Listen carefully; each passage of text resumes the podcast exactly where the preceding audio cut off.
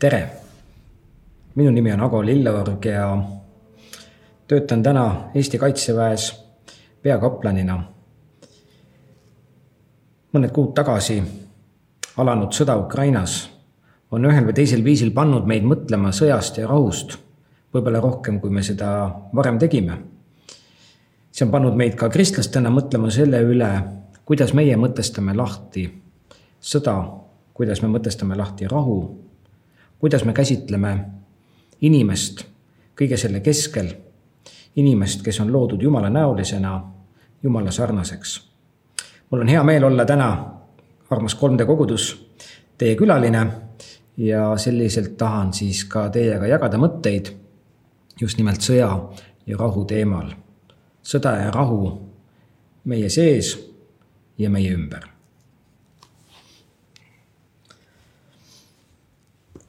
kahekümnenda sajandi esimene pool on mitmes mõttes ajaloos üsna traagiline ajajärk.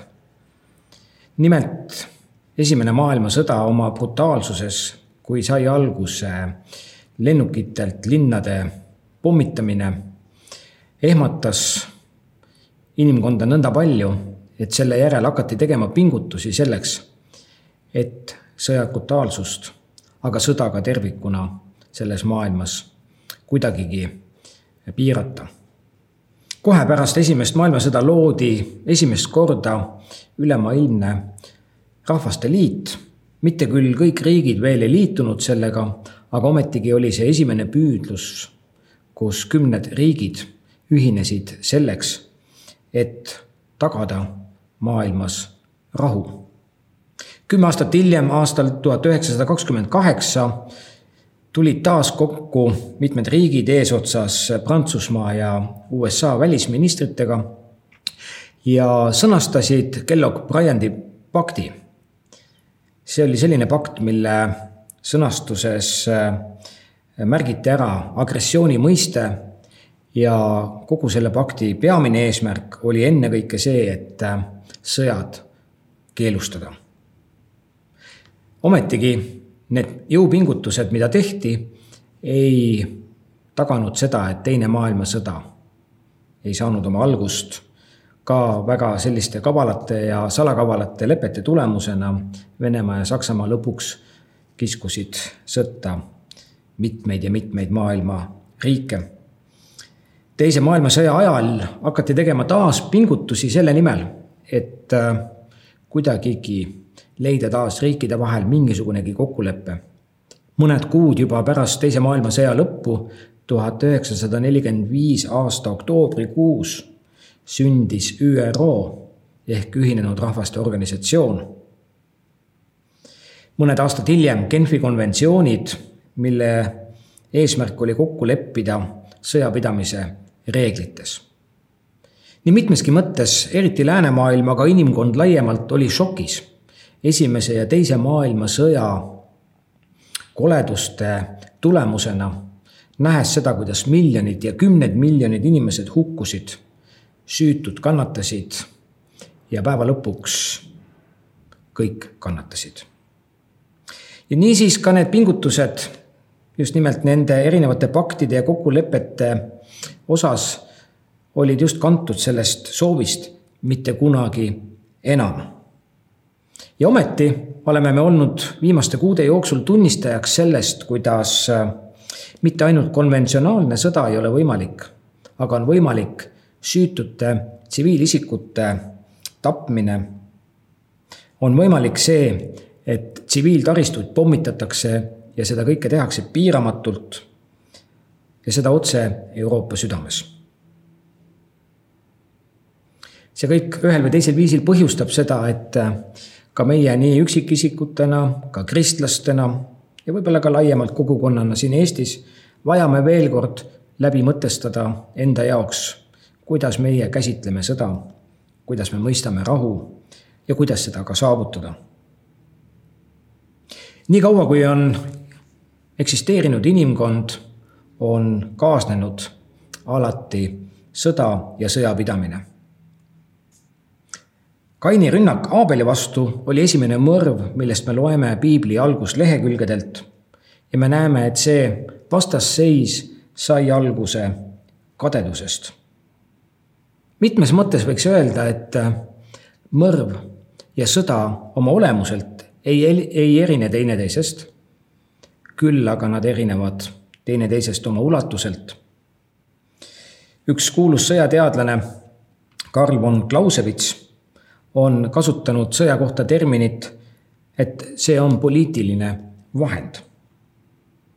mis kõik viitab õieti sellele, et äh, olukordades, kus rahvaste vahel on tekkinud vastasseis, seal on tekkinud ka üsna kiiresti vajadus seda vastasseisu või seda jõukasutust, vägivalla ulatust piirata ja vähendada.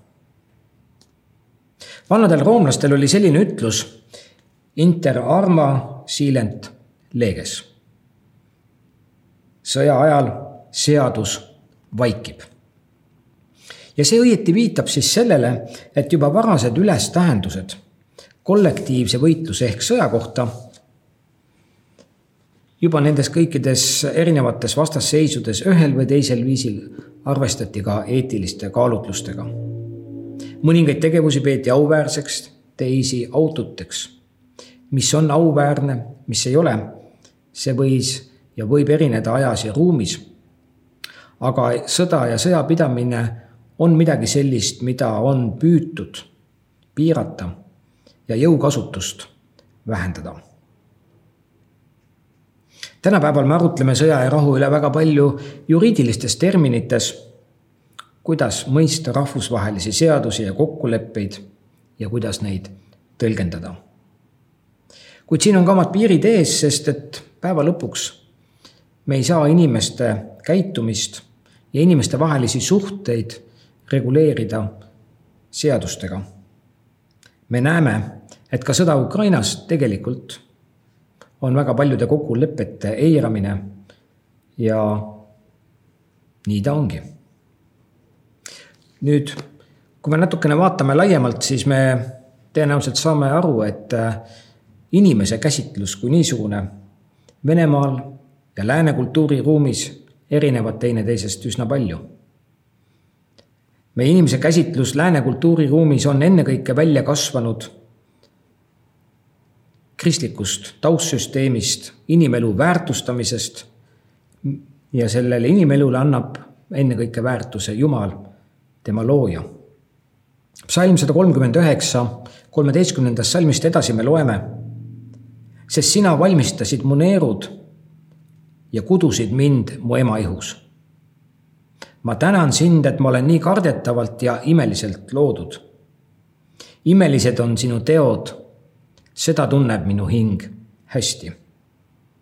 mu luud ei olnud varjul sinu eest, kui mind salajas loodi, kui mind maa sügavuses imeliseks kooti. su silmad nägid mind juba mu eos ja su raamatusse kirjutati kõik päevad, ehkki üht ainustki neist ei olnud veel olemas. kui kallid on mulle sinu mõtted, oh Jumal, ja kui väga suur on nende arv. kui ma hakkaksin neid ära lugema, oleks neid nagu liiva mere ääres.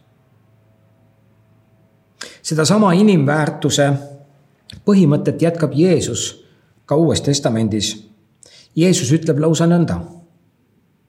eks müüda viis varblast kahe veeringu eest ja ükski neist ei ole unustatud Jumala ees.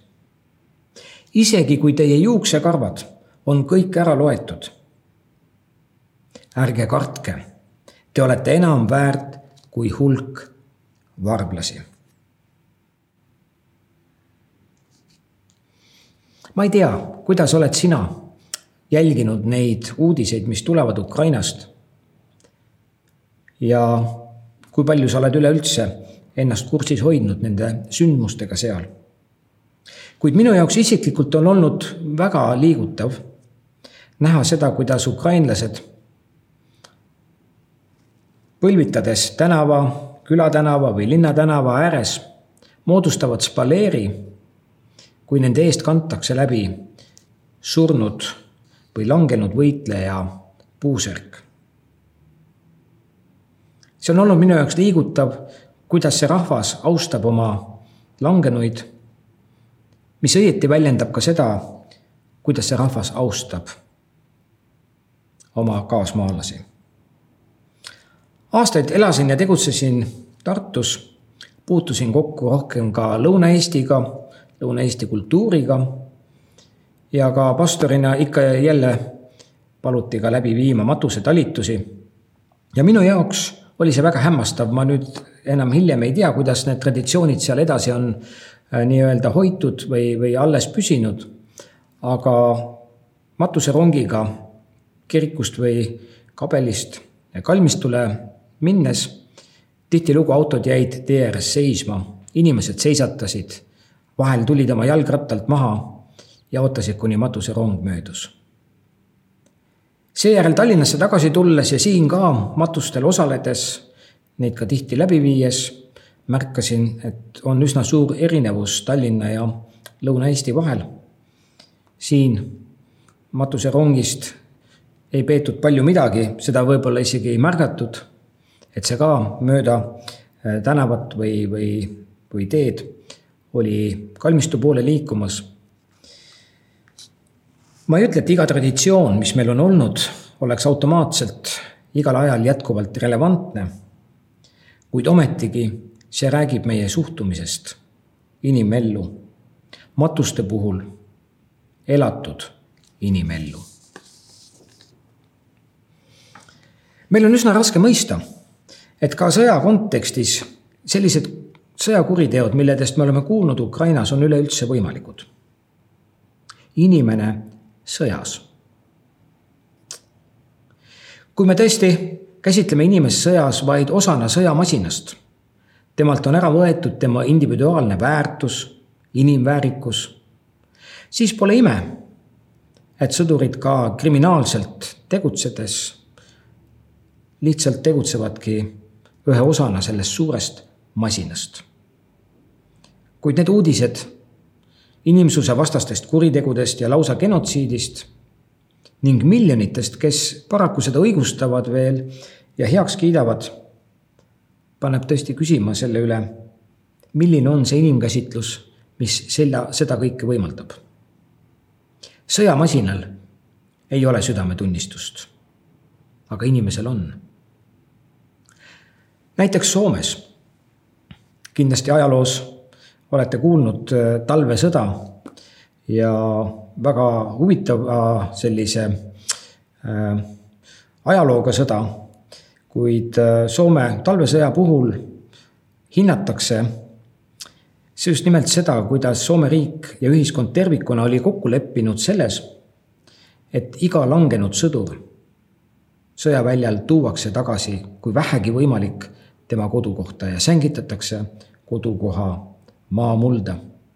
sõjas langes umbes üheksakümmend tuhat meest ja kodukohta toodi nendest umbes kuuskümmend tuhat. nii et see üritus õnnestus kahe kolmandiku ulatuses. kuid seda planeeriti teadlikult. ja nii ütleb ka äh, siis Soome kaitseväe langenute hoolduse juhend, et äh, langenute hoolitsemise või hooli, hoolduse peaeesmärk on au andmine ning viimase teene osutamine langenutele. ja see tõstis üksuste moraali, sest sõdurid teadsid, et neid ei jäeta maha. just hiljuti, aasta alguses tuli ka meile teade Soomest taas ja üks äh, teade, millele ma tahaksin siin korra tähelepanu juhtida, oli see, et äh, juba viis aastat on maailma kõige õnnelikumate ühiskondade hulgas esikohal olnud Soome. Soome rahvas selles edetabelis on viimase viie aasta jooksul olnud kõige kõrgemal positsioonil. inimese käsitlus väga palju hakkab mõjutama seda, kuidas me käitume ja kuidas tervikuna meie ühiskond käitub iga inimesega. ja selle tulemusena ka selle ühiskonna õnnelikkus siis ühel või teisel viisil, seda on võimalik ka mõõta ja seda ka väljendada. nii et selles suhtes see, kuidas me käitume ka inimesega isegi sõjaolukorras väga palju näitab seda, kuidas me ühiskonnana tervikuna hoolime inimestest.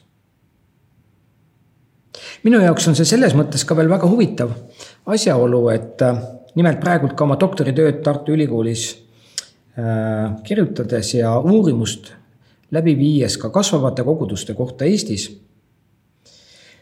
olen uurinud äh, kogudusi, mis, millised on need tunnused, mis selliseid kogudusi, kes kasvavad, iseloomustab. ja üks nendest tunnustest, mille olen sõnastanud, on inimese kesksus. võib-olla esmapilgul isegi pisut selline kummastav termin, aga, aga selle all ma pean silmas just nimelt inimesele orienteeritust. kasvavate koguduste puhul me võime öelda, et nad on näoga inimese poole kasvavate koguduste missioon ei väljendu esmalt väga aktiivses kuulutustöös, kuigi nad seda teevad, aga see väljendub ka selles inimese teenimises, mis ennekõike on vajaduspõhine. mis viib mind just nimelt ka selle mõtteni, et inimene ühiskonnas, inimene sõjas, see on midagi sellist, mida me ühel või teisel viisil vajame uuesti mõtestada. mõtestada seda läbi selle prisma, kuidas Jumal meid näeb. Aleksander Solženitsõn, Vene dissident ja kirjanik, oma raamatus Gulagi arhipelaag, ta ütleb nõnda. hea ja kurja eraldav joon ei kulge läbi riigipiiride, klasside või erakondade vahel, vaid see läbi, läbi, läheb läbi iga inimese südame isegi kurjaga täidetud südames, ütleb ta, on säilinud üks väike sillapea headust. Ja isegi kõige paremas südames on alles välja juurimata väike kurjuse nurk. nii me võime öelda, et sõda ei ole ainult meie ümber, vaid sõda on ka meie sees. meie süda on sõjaväli kus on vastamisi hea ja kuri. meie kurjus ei ole ehk inimeste mõrv või inimes, inimsuse vastased kuriteod. kuid see võib olla hoopis uhkus, enese paremaks pidamine, egoism, enda upitamine teiste arvelt nii me näeme, et kurjuse algpõhjus viimselt ei ole mitte meis, vaid on meis selle tõttu, et me oleme sõjas Jumalaga. Kolossa kirjas Apostel Paulus ütleb seda veel järgmiselt väljendades. Teid, kes te varem olite Jumalast võõrdunud ja oma mõtlemise poolest tema vaenlased oma kurjade tegudega Paulus nimetab, et me olime Jumala vaenlased. Kevadel me tähistasime ülestõusmispüha. sellele eelnes suur reede, mil me meenutasime Jeesuse ristilöömist. rist, millele Jeesus löödi, oli kaks puud. horisontaalpuu ja vertikaalpuu. me oleme täna rääkinud inimelu väärikusest lahinguväljal. inimese väärtustamisest ka kõige koledama vägivalla keskel. Ja see kõik viitab sellele horisontaalile. ja see viitab sellele, mida meie inimestena teeme, et elu oleks elamisväärsem ja sõda pisutki inimlikum.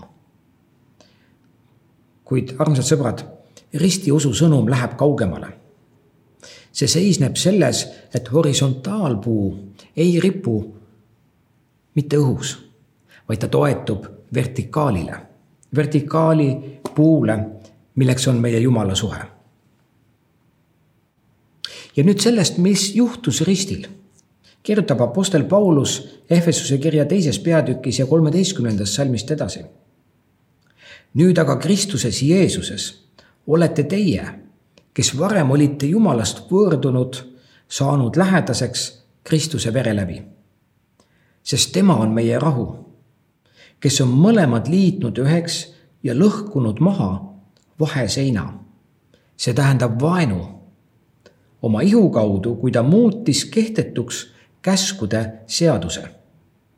et luua eneses need kaks üheks ainsaks uueks inimeseks. tehes rahu ning lepitades meid Jumalaga, mõlemad ühes ainsas ihus risti kaudu, surmates vaenu risti peal.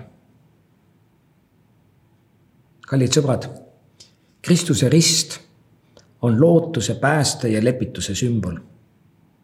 see on sümbol sellest, et Jumal pakub meile kõigile rahu. kui meil on rahu Jumalaga, siis me viime ka rahu sinna, kuhu me läheme. ja selle tulemusena, kui meil on rahu Jumalaga, me jõuame ka rahuloluni ja rahule jäämiseni. Heeberi keeles kasutatakse rahu väljendamiseks sõna shalom. see on rahu, mis haarab kõiki eluvaldkondi. see rahu, mida Jumal meile pakub, tuleb läbi Kristuse risti, lepituse ja andestuse kaudu, mida me ei saavuta mitte oma püüdlustega, vaid mida me saavutame selle kaudu, et Jumal seda armust meile ilma hinnata kingib kui selline rahu meie südant täidab, siis hakkab see väljenduma ka meie suhetes kaasinimestega.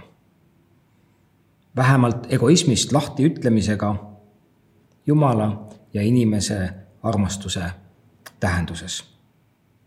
nii on Jumal siis kõrvaldanud vaenu tema ja inimese vahel ja loonud seeläbi eelduse, et me võime elada rahus ka oma kaasinimestega kiriku isa Augustinus ütles, inimene ei leia rahu ennem, kuni ta leiab rahu Jumalas.